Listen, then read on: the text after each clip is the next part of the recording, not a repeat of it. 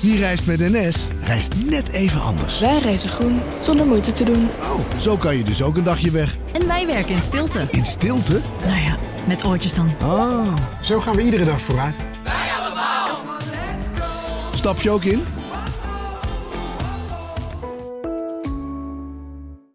Een maatschappij waarin iedereen meedoet. Een gezonde, groene en rechtvaardige wereld. Daar willen jij en heel veel andere mensen best iets aan bijdragen. In het klein en in het groot. Dicht bij huis en ver weg. Zo hebben we vorig jaar 349 miljoen euro bij elkaar gebracht. Miljoenen waarmee onze goede doelenpartners de wereld elke dag een beetje beter kunnen maken. Nationale Postcode Loterij. Samen voor een betere wereld.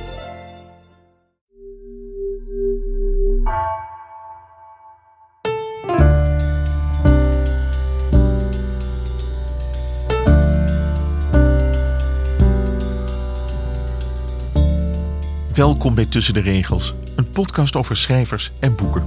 Mijn naam is Michel Krielaars.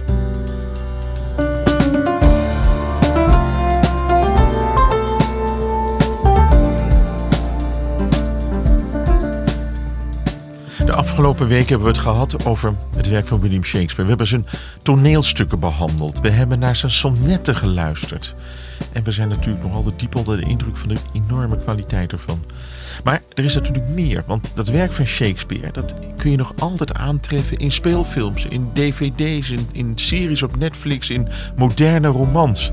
En dat heet dan op zijn Duits heel keurig Das Nachleben. En over dat Nachleben praat ik met hoogleraar perceptie van de klassieke David Reizer. En die weet er alles van. En we kunnen er wel 60 afleveringen over maken. Zoveel is er met Shakespeare gedaan sinds zijn dood. We beperken ons tot een eigen selectie.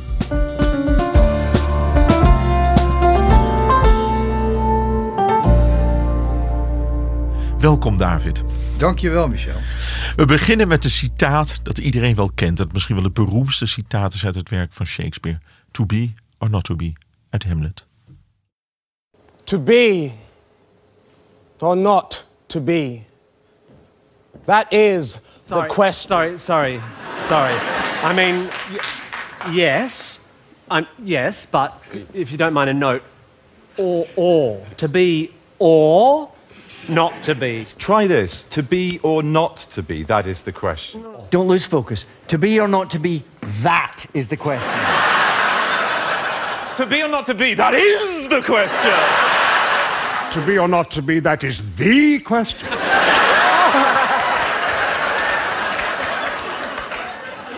To be or not to be.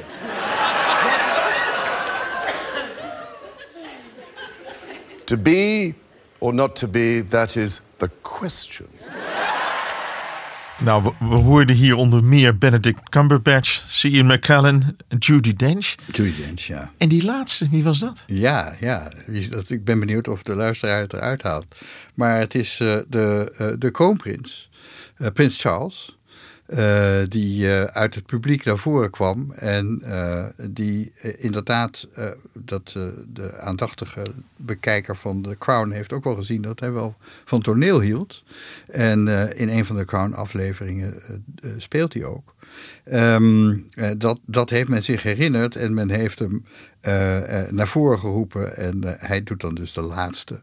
Dat is de question. En de grote question is natuurlijk of Prins Charles ooit King Charles wordt. Ja, en dat is natuurlijk ook, hierin zit natuurlijk ook het, genie van Shakespeare vervat. Hè? Want Ja. je, kan die, je kan die ene vraag gewoon op tien verschillende manieren Ja. stellen. Ja, dus je kunt dat, dat- wat zij eh, eigenlijk dramatiseren, heel geestig en, en heel accuraat, is dat eh, eh, elke interpretatie een nieuwe, een- nieuwe is in feite. Dat, dat elke intonatie van die zin een, een nieuw beeld geeft van hè, waar, waar het eigenlijk over gaat. Dat eigenlijk die zin zelf niks betekent en dat je die betekenis erin legt.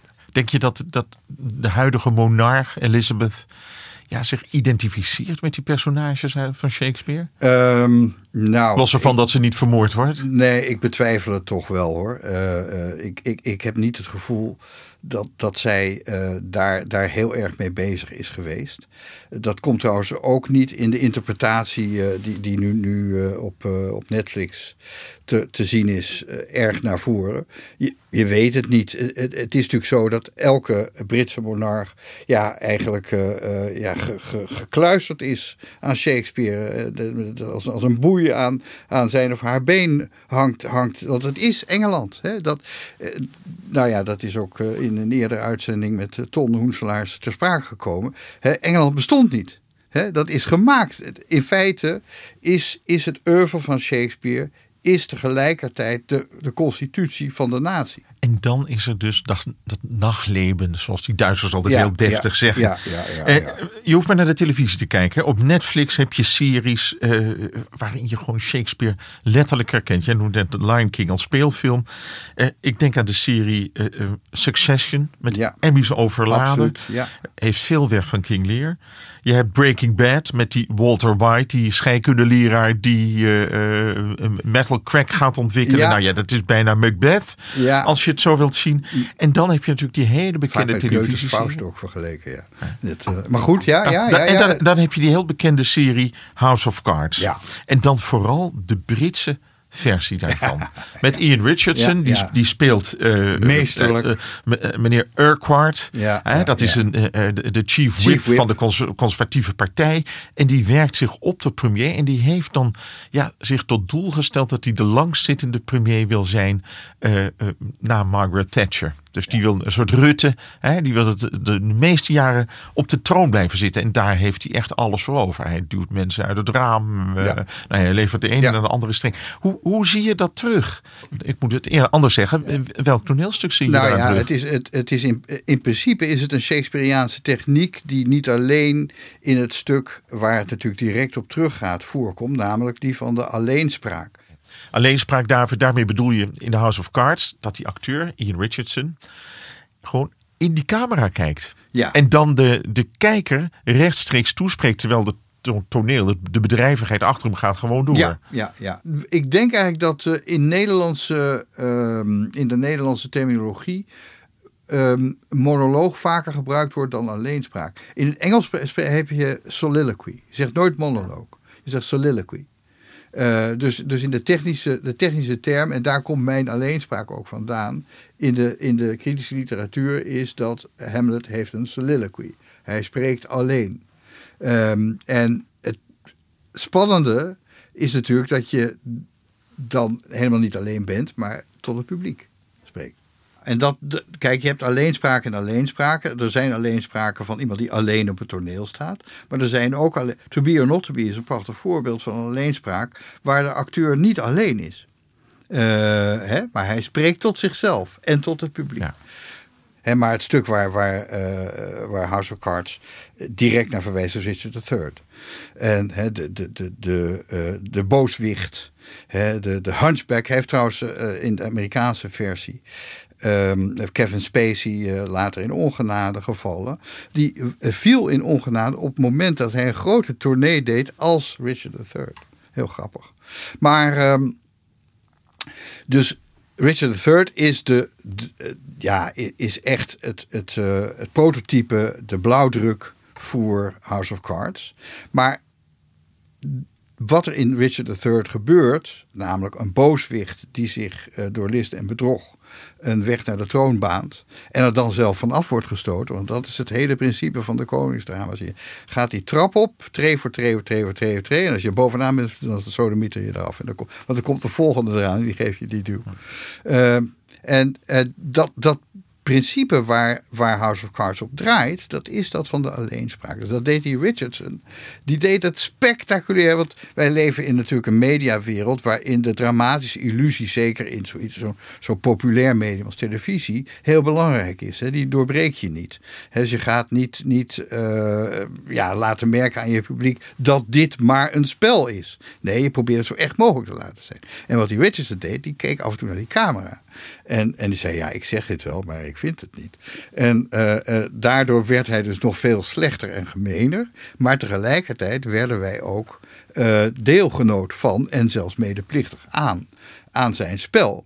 En dat, Richard III begint met een alleenspraak. Het hele principe van Richard III is dus dat, dat de publiek door alleenspraken, door asides, wordt het ook wel genoemd, eh, op de hoogte wordt gesteld van de motiveringen. Dat is wat House of, eh, House of Cards dus magistraal, eh, als het ware, ja, gebruikt.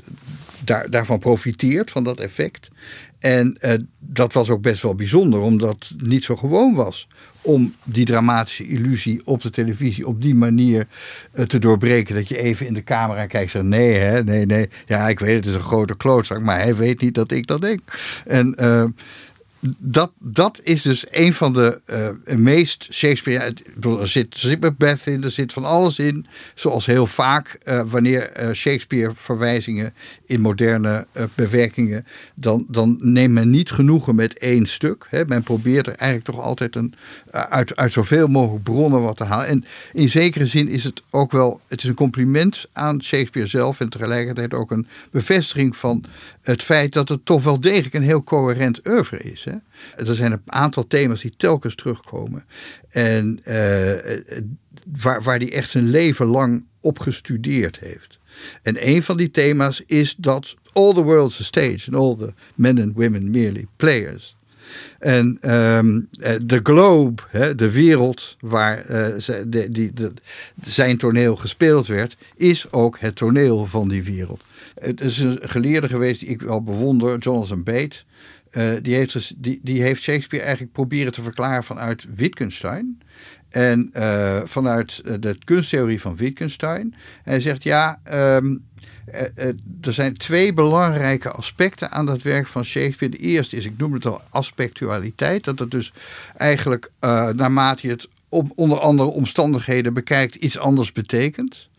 Ehm, maar het heeft ook eh, een, eh, eh, een soort performabiliteit.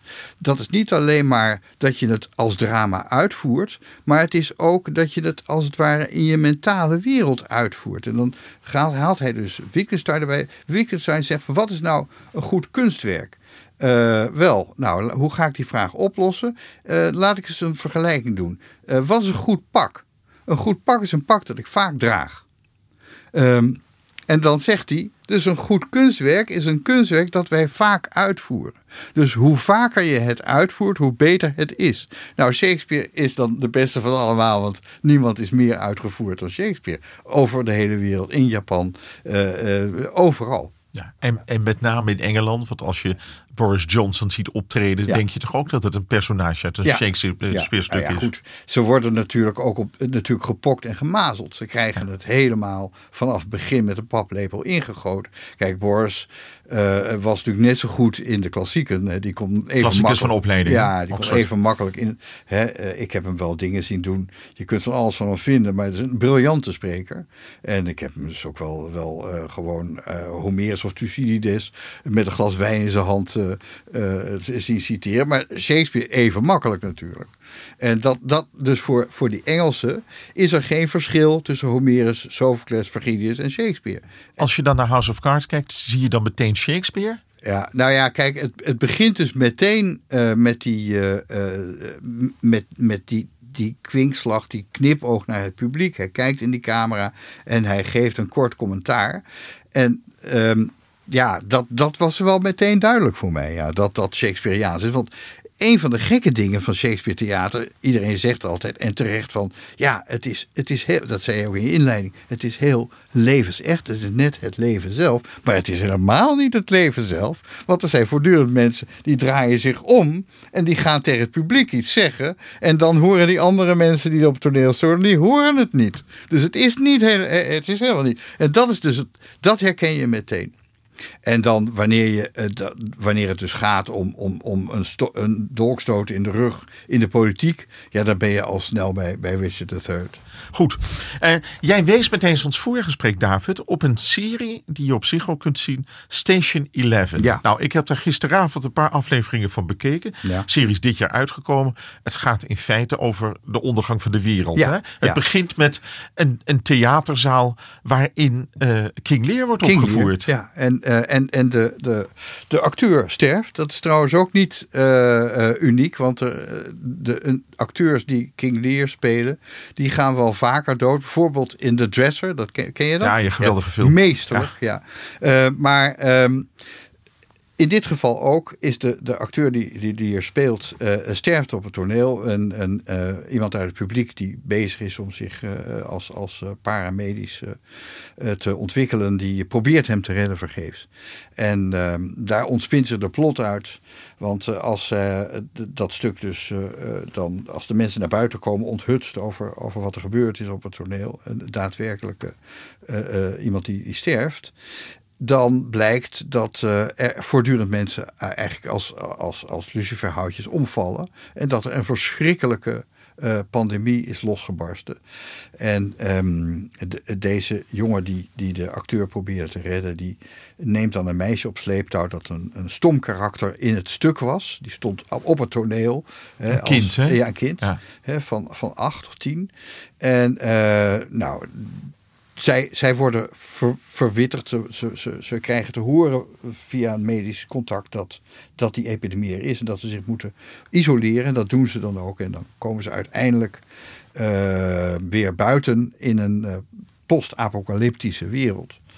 En ehm, daar in het, het, eh, de, de serie maakt allerlei sprongen in de tijd. En het, het belangrijkste deel van de serie speelt zich dus, dus twintig jaar na dato, na de dood van die acteur, na eh, de uitbraak van die pandemie die de hele wereld heeft uitgeroeid. Twintig jaar daarna speelt die, het grootste deel van de serie zich af. En dan vinden we dit meisje, inmiddels een, een jonge vrouw, eh, als eh, actrice in een reizend toneelgezelschap. En die spelen Shakespeare. En, en welke stukken? Wat, wat, wat, betekent dat in die serie? Het is Nou, science fiction. eh, en ineens is Shakespeare er. Ja, dat, het, het, het vast, ik vond het ongelooflijk ontroerend zelfs en mooi. Ik, ik denk de stukken die, die heel belangrijk... Het belangrijkste stuk is Hamlet. Het tweede stuk dat heel belangrijk is, is The Tempest. Ehm, een van de karakters heet ook Miranda. En het, het, eh, eh, het andere stuk is natuurlijk Lear waar het mee begint. Eh, en en de, de, de, de plot draait ook om die Het gaat niet alleen over Shakespeare, maar Shakespeare drijft die plot aan. Als het ware, je kunt, als je die serie kijkt en je kent die stukken, dan zie je eh, dat, dat die inspiratiebron in die stukken zit. En dat, dat, dat die stukken op een bepaalde manier in een, in een volledig onverwacht eh, nieuw geheel eh, worden, worden gevoegd. Nou ja, Hamlet, eh, het interessante van Hamlet is dat midden in Hamlet zit de play in de play. Het theater in het theater, dat bij Shakespeare al eh, zo centraal staat, dat vind je hier in Station Eleven dus ook weer terug, wanneer wij eh, s- scènes uit Shakespeare in een post-apocalyptische. En die scènes zijn zo goed gedaan. Dat is echt, echt geweldig. Kun jij nog even samenvatten waar de Tempest precies over Ja, gaat? de Tempest eh, geldt als eh, Shakespeare's laatste werk, afscheid van het theater. En eh, heeft als hoofdpersoon Prospero een, een, een, door, door een boze broer, dacht ik, verjaagde hertog. Die op een eiland in ballingschap leeft en magische krachten heeft die eh, hij gebruikt om eh, die boze broer eh, en eh, andere hovelingen uit Napels en Milaan op zijn eiland te doen stranden, waar hij ze als het ware als een tovenaar eh, eh, re- regisseert. Met behulp van Ariel en Caliban. Eh, en ehm, hij heeft een dochter en die laat hij dan trouwen met eh, de, de, de aardige jongen uit, uit, uit het hof. Want het hof is natuurlijk per definitie erg corrupt. En eh, dan eindigt hij met die beroemde eh, eh, speech over... dus our revels are now ended. These our actors, as I foretold you, were all spirits, and are melted into air, into thin air.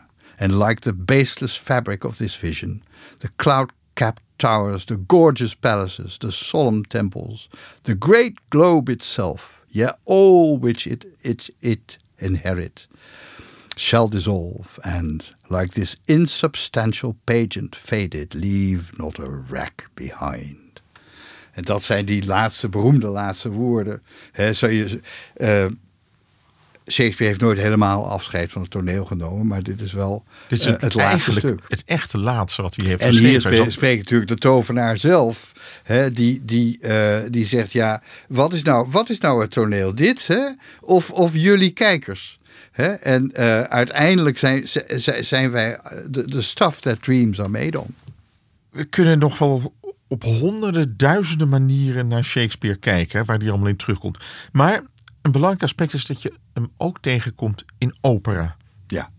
En dan denk ik aan Falstaff van Verdi. Verdi, 19e eeuwse Italiaanse componist. Ten tijde van de Italiaanse eenwording. Hè, dat Italië bijeen wordt gesprokkeld uit delen van uh, het Habsburgse keizerrijk. Milaan, dat was van Habsburg. En dan zit al die muziek, dat vrijheidsstreven uit de romantiek. Dat komt in die composities naar voren. En die Falstaff, die opera, is gebaseerd op twee Shakespeare toneelstukken. The Merry Wives of Windsor en Henry IV. David, hoe kan het dat Verdi in de 19e eeuw, 1893, ging het in première, dat, dat hij dacht, Falstaff, die moet ik hebben als personage, als hoofdonderwerp van mijn opera. Die clown. Ja, het is heel grappig. De, de 19e eeuw is heel belangrijk uh, uh, voor Shakespeare. Omdat de romantici uh, in feite in Shakespeare... ze, hebben, ze hebben zich herkend in de Grieken. Die waren onschuldig. En ze hebben zich herkend in Shakespeare, want die was ook onschuldig. Wat is schuldig? Schuldig is academisch. Schuldig, met name bij de Duitse romantici, is Frans hofetiket, formalisme. Um, uh, uh, dan krijg je die statige Alexandrijnen van Racine. Dan krijg je die, die, die, die formele, retorische uh, theater en, en poëzie. Hè, waar die romantici zich van willen bevrijden. En dan nemen ze dus Shakespeare als held. Hè. Shakespeare is the poet of nature. Niets is minder waar, want hij, hij, ook dat is in de eerdere afleveringen ge gezegd. Hij, hij kende beter Latijn dan 99% van alle klassici in leven nu. Maar hij is dus later, misschien ook wel omdat hij zich tegen die academische tradities ook in zijn eigen tijd al een beetje afzette, is hij vooral gezien als iemand die bij die academische klassieken helemaal niet thuis hoort. Dan, die romantici die pikken dat eruit. En dan krijg je de, de, de Midsummer Night's Dream met cobweb en, en al die plantjes die in Shakespeare zo voorkomen. En de countryside, de country boy. Dan krijg je die, die, uh, uh, die hele mythe van Shakespeare als een natuurlijk genie die het allemaal eigenlijk zelf bedenkt. En daarom is dus Shakespeare in de, in de 19e eeuw enorm geapproprieerd door de Duitsers en dus ook door de Italianen, die dat in hem zagen. En het is zo grappig dat Falstaff is de anti-autoritaire figuur. En uh, die, die, die Italianen die zijn zich op dat moment al uh, aan het voorbereiden op hun eenwording, zullen we zeggen. Ja, en Verdi is ja, een belangrijke Verdi stem in die vrijheidsstrijd. Ja, die is een enorme stem in die vrijheidsstrijd geweest. En die haalt dus hè, dat, uh, ja, dat volkse van die Falstaff dat haalt hij eruit. En het is, het is een van zijn beste werken, vind ik. Ja, de, uit, uit de vrolijke vrouwtjes van, van Windsor. Ja, ja, hè? Ja. Dat is de Maywives of Windsor. Ja, nou ja, Falstaff komt, is vooral... Hij komt wel voor in de Maywives, maar hij is eigenlijk uh, de belangrijkste figuur uit de hele koningsdrama's. Want hij is de, de foil, hè, de tegenpool van de koning uh, uh, met name Hendrik V, waar jullie het over gehad hebben. Hè, uh, Hendrik V heeft als, ja, als, als compagnon in zijn, in zijn kroegleven en zijn dranklust en zijn bordeelgang, heeft hij Falstaff. En Falstaff wordt uiteindelijk, wordt hij dus, wanneer Hendrik koning wordt, dan zegt hij, ik, I know thee not. Old man. eh, dan wordt hij, eh, eh, dan wordt hij aan, aan de kant gezet. Terwijl hij heel belangrijk wil zijn. Hè? Die Falstaff die is in Henry IV en de Merry Wives of Windsor een geruïneerde edelman vol ondeugden. Hij, hij drinkt te veel, het is een hoerenloper, hij is heel erg rap van de tong. En hij wil iedereen voortdurend van zijn grandeur blijven overtuigen. Dat hij nog altijd iemand is, wat hij natuurlijk niet is. Eh, eh, kijk, Falstaff is, is eh, een karakter dat, dat eigenlijk, dat is zo groot. Hè, dat, en dat, haalt Verdi er fantastisch uit met die stem ook. Eh, dat is zo'n, eh, ja, zo robuust, zo vol leven, zo vol tegenstrijdigheid en zo totaal onverantwoord moreel. Eh, eh, ja, ik, ik blijf erbij. Dat, dat, dat heeft de eh, grote Harold Bloom wel beweerd. Dat, dat Hamlet en Falstaff, dat zijn eigenlijk de twee karakters. En, en die Bloom die zei van ja, een manier van zijn zoals die van Hamlet, met zijn contemplatie, met zijn aarzeling, en met zijn diepte, en met zijn poëzie, enerzijds. En een manier van zijn zoals Falstaff, met zijn ongelooflijk als een één groot bruisend glas bier dat overstroomt en totaal onverantwoord, totaal eh, eh, moreel eh, ver- verwerpelijk, hè, maar, maar vol levenskracht en, en, en vol wit en, en enorm veel geestigheid. Zulke vormen van zijn, die waren eigenlijk niet mogelijk voordat Shakespeare ze creëerde. Het is natuurlijk wel typisch Bloem en er is van alles op aan te merken. Maar ik, ik, ik zie er ook wel wat in. Harold Bloom, beroemde Amerikaanse literatuurwetenschapper. Ja. Maar goed, Verdi had dat dus, dus heel goed door. En eh, ja, die, die lift natuurlijk ook wel mee op die grote, ehm, die grote populariteit en die functie van hè, Shakespeare als oerkracht, als natuurkracht die, die hij krijgt in de 19e eeuw. Laten we ook nog eens even luisteren naar wat Verdi hiervan heeft gemaakt.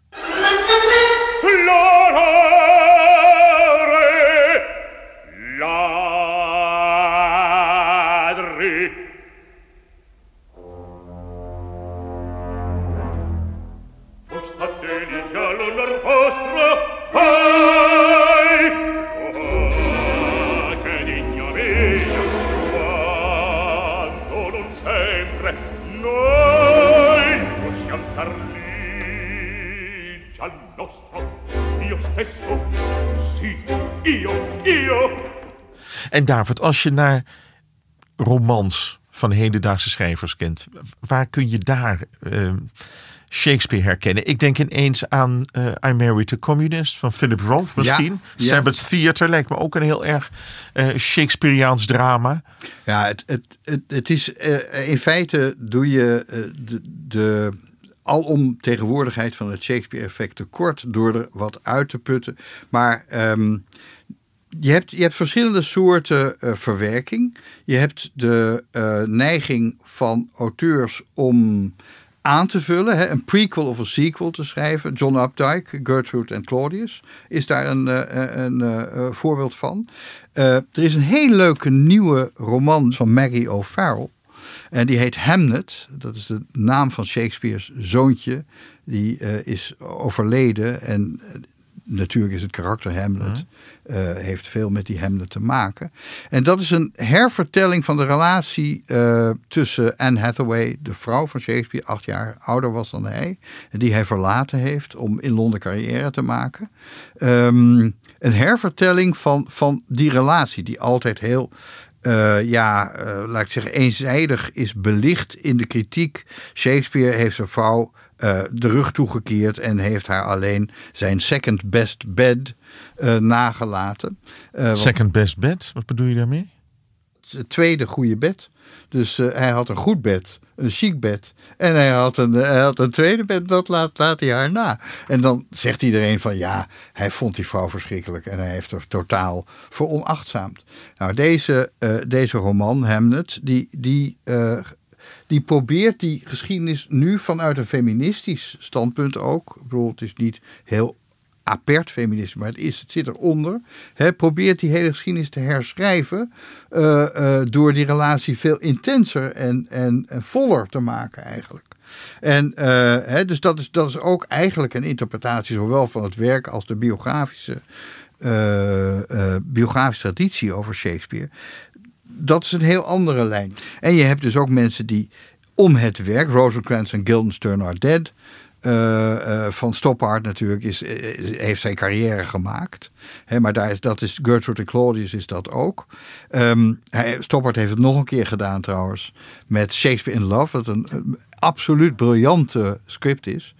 Ehm, je hebt hervertellingen. Eh, Janet Winterston. eh, The Gap of Time. Heel erg mooi, vind ik. We noemden dan natuurlijk toneelstukken. Hè, die, eh, die voortdurend met Shakespeare spelen. Zonder dat de eh, eh, kijker dat soms zich realiseert. Nou, waar, waar het heel duidelijk is, is in, in dat noemen we al de dresser. Dat het gaat over een ouder wordende acteur die Lear speelt. En Lear is een ouder wordende ke- koning. Nou ja, je kunt het, overigens is er een absoluut nieuwe, ik weet niet of je hem kent. Ja, die veel minder schijnt te zijn, hè? de verfilming. Het is twee keer verfilmd. Twee Eén keer keer, met, met Albert Finney Ja, als de oude en de tweede keer met, met, met McKellen en, en ehm, eh, eh, kom nou, eh, hoe heet hij? Anthony Hopkins. Oh ja, natuurlijk. Ja. Ja, ik vond hem briljant hoor. Ja, die laatste. Echt briljant. Ook. Allebei. Allebei briljant. Maar goed, dat zijn dus stukken die in de. Dat zijn films in dit geval. Maar die in. Of dat is een film die in de theaterwereld speelt. En met Ja, Shakespeare. in de kleedkamer, In de eh, kleedkamer. tijdens de Tweede Wereldoorlog. Maar goed, je hebt dus eh, stukken die, die spelen met Shakespeare. Je hebt uiteraard eh, uitvoeringen eh, galore. Je hebt hervertellingen. Ehm, je hebt biopics. Ja, het, Het houdt maar niet het op. houdt maar niet op. Ja, ja. Maar wij moeten wel ophouden. ja nou gewoon. Eh, Dank je, David. Ik, ik heb weer ontzettend veel van je geleerd. Sowieso heb ik ontzettend veel van Shakespeare geleerd. En het, het moedigt alleen maar aan om veel te kijken. Ja, vooral, en te want- lezen. En te lezen. Te lezen dat nieuwe, dat Engels van Shakespeare is soms hondsmoeilijk. Ja. En toch, als je het hard opleest, en dan mis je misschien van alles als je eh, het Engels niet heel erg goed leest, maar het blijft prachtige poëzie. Ach, het is geweldig. Ja. Dit was de laatste aflevering van onze zomerserie over Shakespeare. Ze zijn allemaal terug te luisteren in de NRC Audio app. Tot volgende week met een heel ander onderwerp.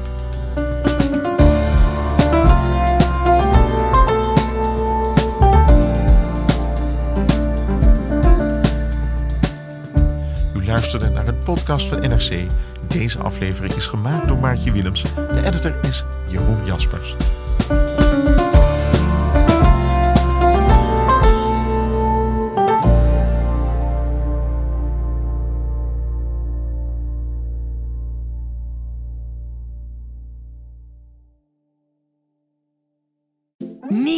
Aquarius Red Peach Zero Sugar.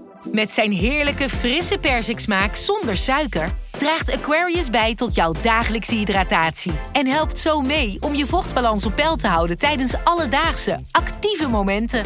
Thuis, op het werk of onderweg. Ook verkrijgbaar in smaken lemon en orange. Probeer hem nu.